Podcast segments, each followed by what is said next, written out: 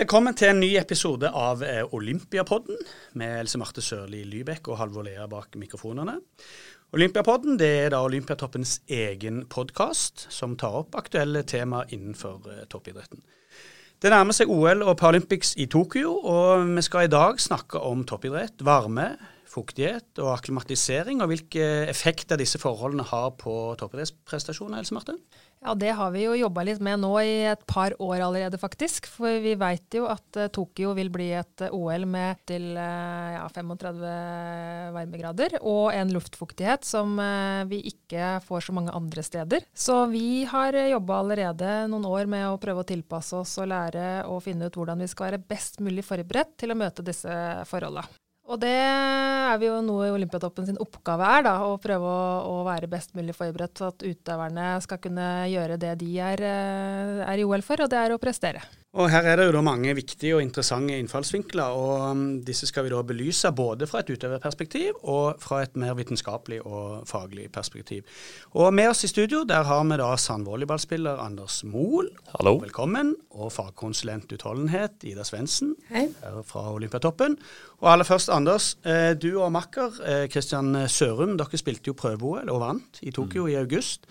Kan du beskrive litt disse kroppslige opplevelsene av å konkurrere i den enorme varmen og fuktigheten? Ja, det var en, eh, en erfaring vi aldri har eh, opplevd før, rett og slett. Det var Altså, vi har, vi har, spilt i varme klima før, men aldri med den luftfuktigheten som var i Tokyo. Eh, den var vel på rundt 80-90 eh, hver dag der. Så den erfaringen der som jeg gjorde i Tokyo, var, jeg tror jeg kommer til å være veldig viktig for oss med tanke på hvordan vi legger opp eh, planen vår nå fram mot, eh, mot OL. Men det som på en måte er vanskeligst, det er å bare puste, rett og slett. Og du blir, du blir veldig fort uh, utmatta.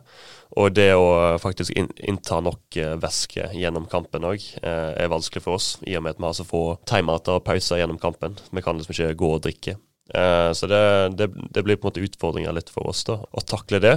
Uh, og klare å holde kjernetemperaturen nede. Fordi vi var oppe i, vi var oppe i 40 grader i kjernetemperatur gjennom en kamp, og det er ja, ekstremt høyt. Og det går litt utover hvordan du spiller volleyball, og du klarer ikke å fokusere like bra. og Det skal vel Ida snakke mer om etterpå. Men det er ja, veldig god erfaring, men det, det er ganske, ganske ukomfortabelt å spille der det må jeg si. Og da, Ida, da spilte du smasha La opp en fin uh, serie til Ida på På volleyballspråket. Yes, det er der vi er nå.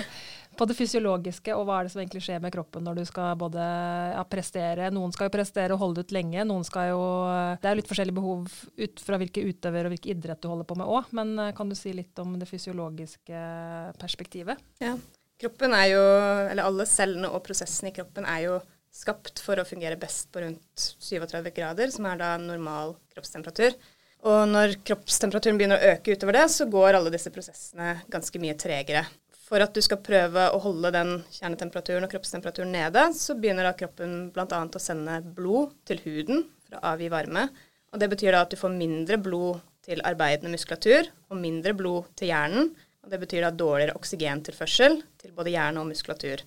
Det går da utover de kognitive prosessene, litt sånn som Anders sa, at det er vanskelig å konsentrere seg og holde fokus. Eh, og det gjør at du ligger på høyere puls og høyere laktat på samme belastning, sånn at alt oppleves og føles tyngre. Eh, og som Anders også var inne på, så du svetter mer, så det er en større risiko for dehydrering og alt eh, det medfører. Den fuktigheten i Tokyo, det er jo det som er kanskje det mest uvante for de fleste av type europeiske utøvere, som kanskje er vant med å konkurrere i varmen, men ikke den den fuktigheten som du får i Tokyo. Og en av de viktigste mekanismene kroppen har for å kjøle deg ned, det er å svette. Og når svetten fordamper fra huden, det er da du avgir varme. Men når eh, lufta allerede er mettet med vann, sånn som den er i, i, Tokyo, så klarer ikke den svetten å fordampe, og da klarer ikke kroppen å kjøre seg ned. Så det som skjer, er at kroppstemperaturen bare fortsetter å stige og stige og stige, og prestasjonen da faller. Det du sier nå, det høres jo veldig ut som at det påvirker prestasjonen. At du klarer faktisk ikke å opprettholde den samme prestasjonen hvis ikke du gjør noe med det.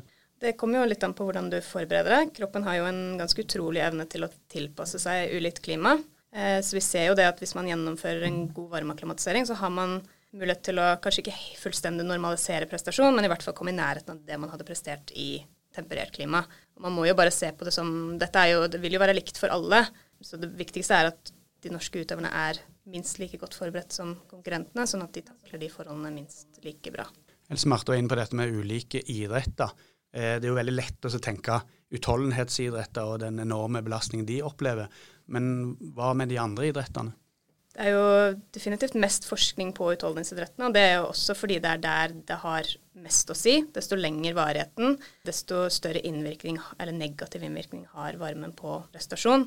Men vi har jo begynt å jobbe nå med en del andre idretter, sånn som volleyball og friidrett og, og den type idrett som skal være ute og eksponert for forholdene lenge, men kanskje ikke har et kontinuerlig arbeid. Og vi ser jo, sånn som Anders var inne på, at de får fortsatt en stor økning i kjernetemperatur, og det, det påvirker også prestasjonen.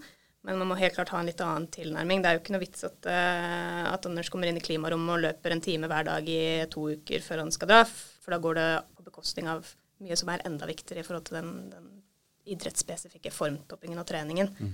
Så Der må det tilpasses, sånn at man, man, gjør det på en fornuftig måte, sånn at kroppen er forberedt på de klimatiske forholdene, men det ikke går på bekostning av den treningen som er helt avgjørende. For Der har jo Anders og Christian allerede vært i Tokyo, og de har jo testa ut en del ting. og og hva er erfaringene derfra, eller hva er dere kommet fram til som skal gjøre at dere er enda bedre forberedt enn konkurrentene under OL? Uh, eh, nei, altså vi hadde jo uh, sånn fire-fem fire, dager før uh, turneringa starta i Tokyo.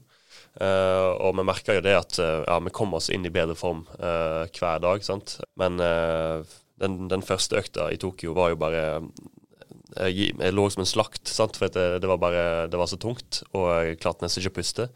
Men da, dag fem, når vi begynte turneringa, så var kroppen min allerede ganske godt tilpassa det klimaet. Så eh, vi må legge opp Vi har lagt opp at vi skal ha en ti dager i, i Nagoya, som er en by utenfor Tokyo. og Da skal vi ha treninger der. Bare for å lære oss det klimaet som er i, i, Japan på den tida der.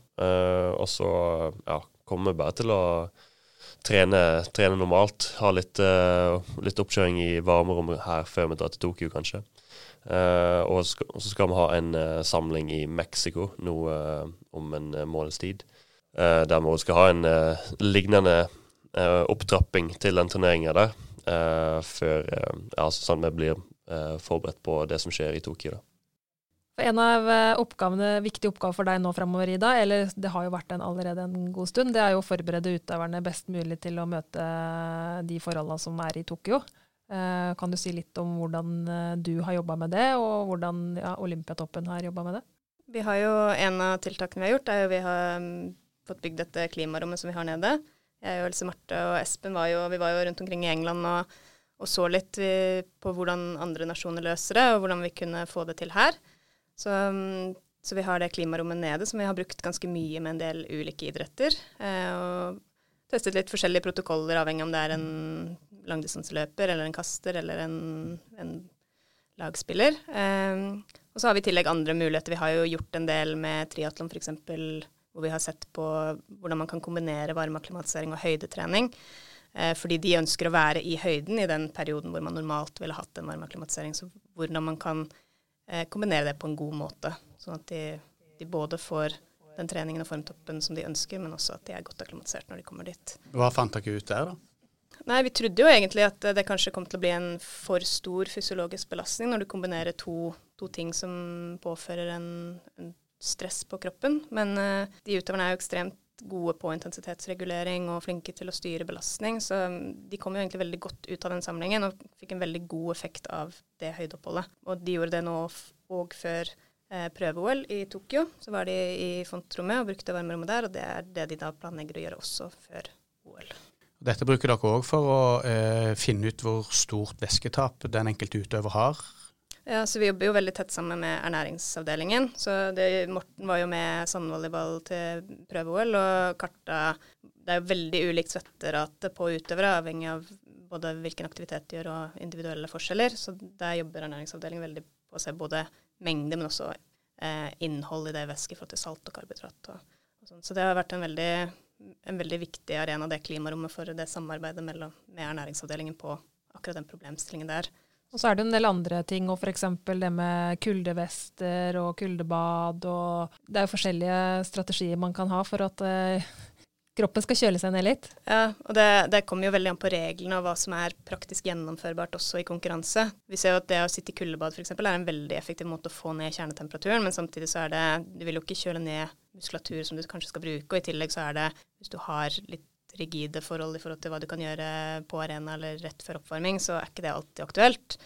Men sånn som kjølevester er jo stort sett en ganske praktisk og enkel måte å det går mest på hudtemperaturen, og du har mange temperatursensorer i huden. Så selv om det kanskje ikke påvirker kjernetemperaturen i like stor grad, så sender det signalet til hjernen din om at du er kaldere, og da lurer du kroppen til å tro at du er kaldere, sånn at du presterer bedre, da.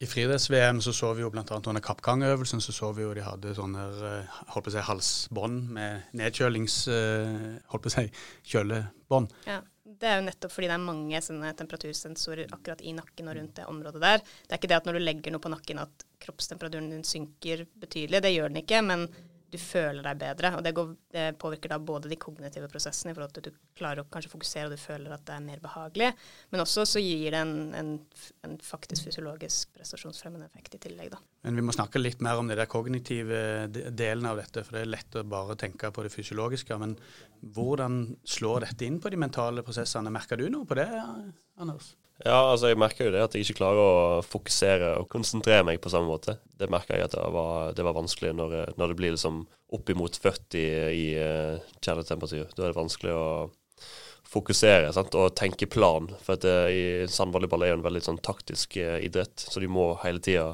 legge planer og taktikker uh, på, på banen.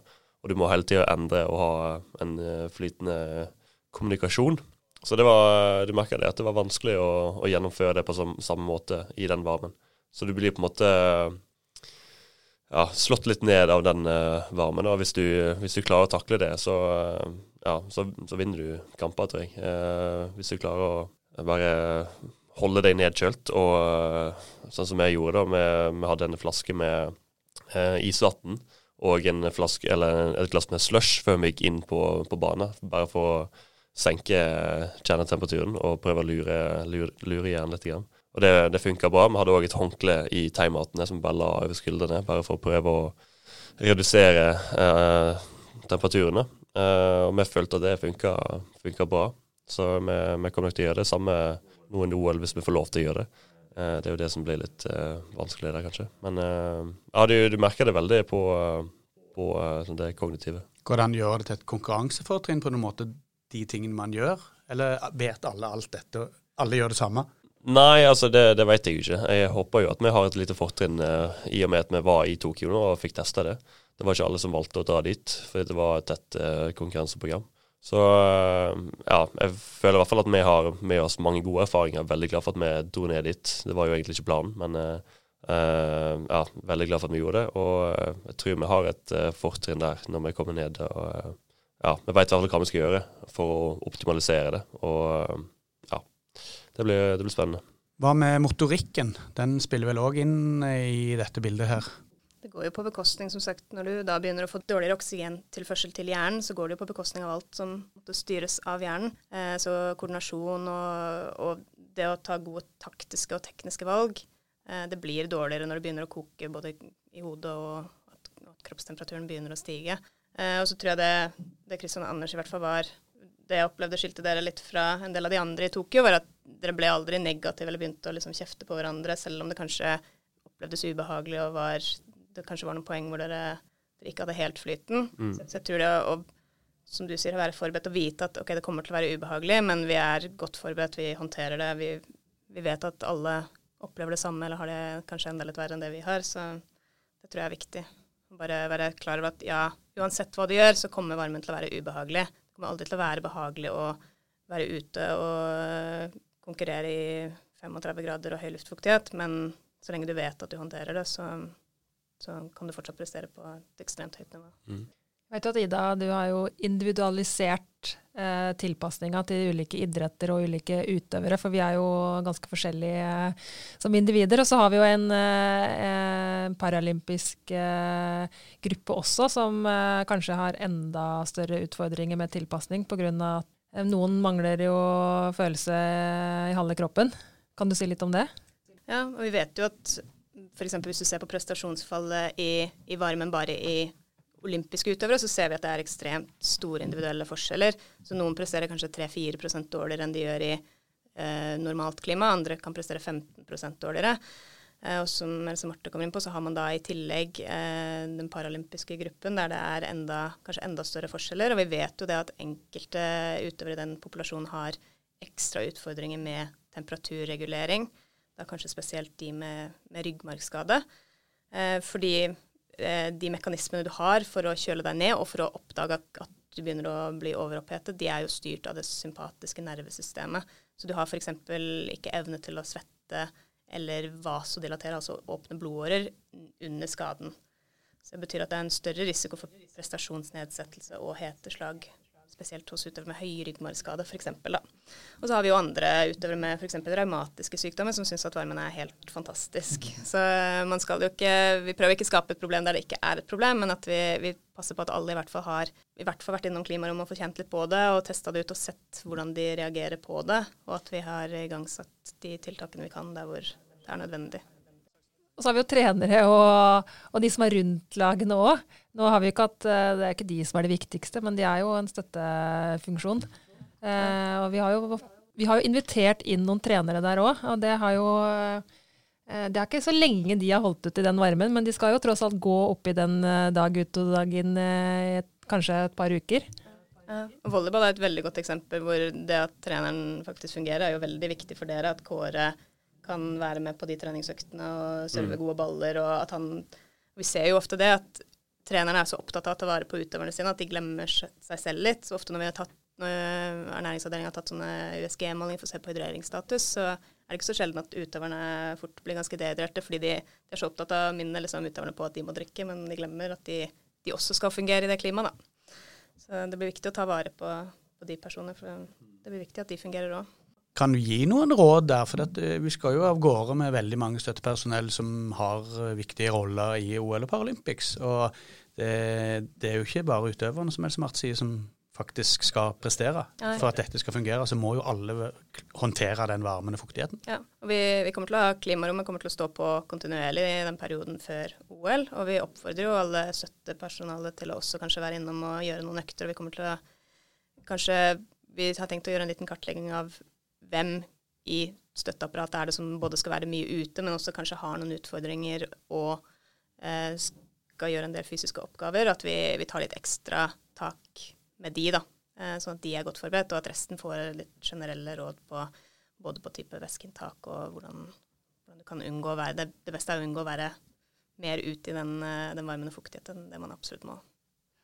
Eh, IOC har jo flytta maraton og kappgang til Sapporo i erkjennelsen av at eh, det ble for høy risiko å gjennomføre de. Eh, hvordan eh, vurderer du det? Jeg tenker jo at det sikkert er basert på sånn som det var i Doha, så tror jeg jo det er fornuftig. Eh, det er ikke noe så lenge du er godt forberedt og er godt varmeakklimatisert, så, så er, bør det ikke være en stor helserisiko med å delta. Men vi ser jo at en del av de mindre nasjonene, sånn som det var i Doha, så var det jo noen av de som kanskje ikke var så godt forberedt som de burde vært. Og da kan det jo det å gå 50 km kappgang i den temperaturen og luftfuktigheten som det er i OL, det er ekstremt krevende. Så jeg tror det var et fornuftig valg å flytte det. Og Da bringer det oss inn på det der med helserisiko.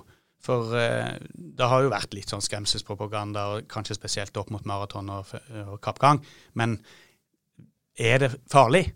Vi ser jo, hvis du ser på tallene fra Tokyo f.eks. for, for uh, to år tilbake når det var uh, hetebølge der, så var det jo flere som døde av heteslag. Men det er jo først og fremst eldre og uh, folk som er i dårlig helse fra før. Og så har du en utøvergruppe som kanskje risikoen der er jo at dere er veldig motiverte, så alle de signalene som kroppen sender om at nå holder du på å bli for varm, nå er du på, nå er det på kanten av å kollapse, de ignorerer du og bare overstyrer det, og så fortsetter du allikevel. Men i all den tid kroppen er godt akklimatisert, så ser vi jo det at eh, sånn som på triatlon, når de kom i mål under prøve-OL, så har de kjernetemperaturer som er ekstremt høye, langt over det som du kan kategorisere som risikoområde for heteslag. Men kroppen tåler det fordi du har vært liksom forsiktig eksponert den for det over en periode i forkant. Så du ser jo det at det er en, en eh, sånn minne i cellene, sånn at de, de, tåler høye temperaturer mye bedre hvis du er godt akklimatisert, og da er risikoen for eh, helserisikoen mye lavere. Men da skal man være godt forberedt, og man skal gjøre alt riktig og, i forhold til væskeinntak. og så, Som sagt, er du ikke godt forberedt, så er det en risiko. Er du godt forberedt, så er det, det, er det, mer, det er mer et prestasjonsfokus da. Det er kanskje lederne som er mest utsatt når det gjelder den biten da? Kanskje. Nå har vi snakka litt om eh, tilpasning til varmeakklimatisering til eh, OL og PL, som, eh, for å være best mulig forberedt der. Men eh, varme har jo også for, blitt forsøkt brukt i bl.a. trening som, eh, og rehabilitering. Eh, Anders har jo prøvd seg litt på det nå i varmerommet. Kan du si litt om andre måter vi kan bruke varme på? Ja, Det har jo vært veldig mye interesse rundt det, og det er jo ganske mye forskning som viser det at det å gjennomføre en varmeklimatisering det har definitivt en positiv effekt på prestasjon i varmen, men det har sannsynligvis òg en liten positiv effekt på prestasjon i temperert klima. Fordi en del av de tilpasningene du får fysiologisk, de er òg gunstige for utholdenhetsprestasjon. Nå snakker vi først og fremst utholdenhet, da. Eh, uansett om det er i varmen eller ikke.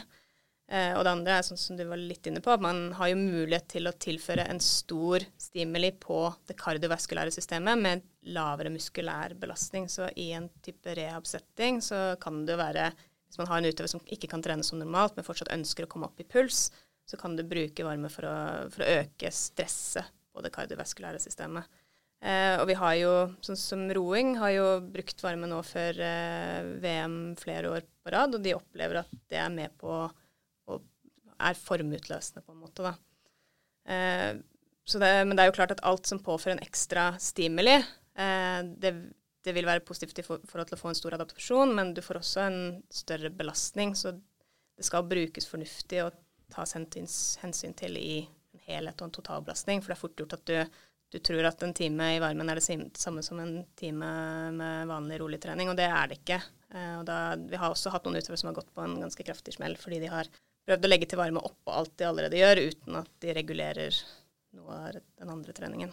Så det kan absolutt brukes, men det må brukes riktig. Hva var dine erfaringer med dette, Anders? Nei, jeg hadde jo eh, Jeg har jo en litt sånn skadesituasjon akkurat nå, så da eh, da hadde jeg eh, Jeg gikk på, på mølla i oppforbakke. og det var jo nok for meg å få en, en god utholdende, så ja, det var bare merkelig at, at, jeg kan på en måte ha så liten aktivitet, egentlig, og, og, kjenne det så på pulsen. Og for meg så er det kjempekunstig å få lov til å trene på den måten her, nå når jeg er ute og egentlig ikke får trent pulsen på, på en annen måte. Så ja, det var merkelig. Det var 37 grader tror jeg rommet var på, og 30, nei, 30% luftfuktighet. Uh, så det er jo forhold som jeg kanskje er vant til allerede. Men uh, ja, du merker det at uh, når det blir skrudd opp litt på varmen, så ja, det bare det renner, vet du. Eh, det har også vært forskning på varme i et sånt høydeperspektiv, Ida. Hva, hva vet vi om det? Lillehammer har jo gjort noen studier nå nylig som har sett på effekten av varmeakklimatisering på eh, HB-masse og blodresponsen. Du ser jo det at du, du får faktisk en lignende effekt eh, av å trene i varme. Mekanismene er litt annerledes. Eh, men igjen så, så, skal man jo Det skal jo periodiseres riktig. Det er litt sånn som å Selv om høyde kan være gunstig, så skal man ikke være i høyden hele året, for det går jo på bekostning av andre ting. Så det er absolutt noen mekanismer der som er veldig interessante, og som kan være nyttig for en del idretter, da, spesielt utholdenhetsidrettene.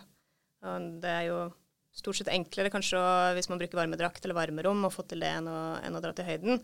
Men det er også en del mekanismer man, eller tilpasninger man får i høyden som man ikke får ved trening i varmen. Så, um, så man kan ikke bare bytte den ene med den andre 100 men, uh, men det er absolutt noen, noe som er interessant, og som de har tenkt å forske videre på på Lillehammer. Ja, er det noen flere tema vi bør innom før vi runder av?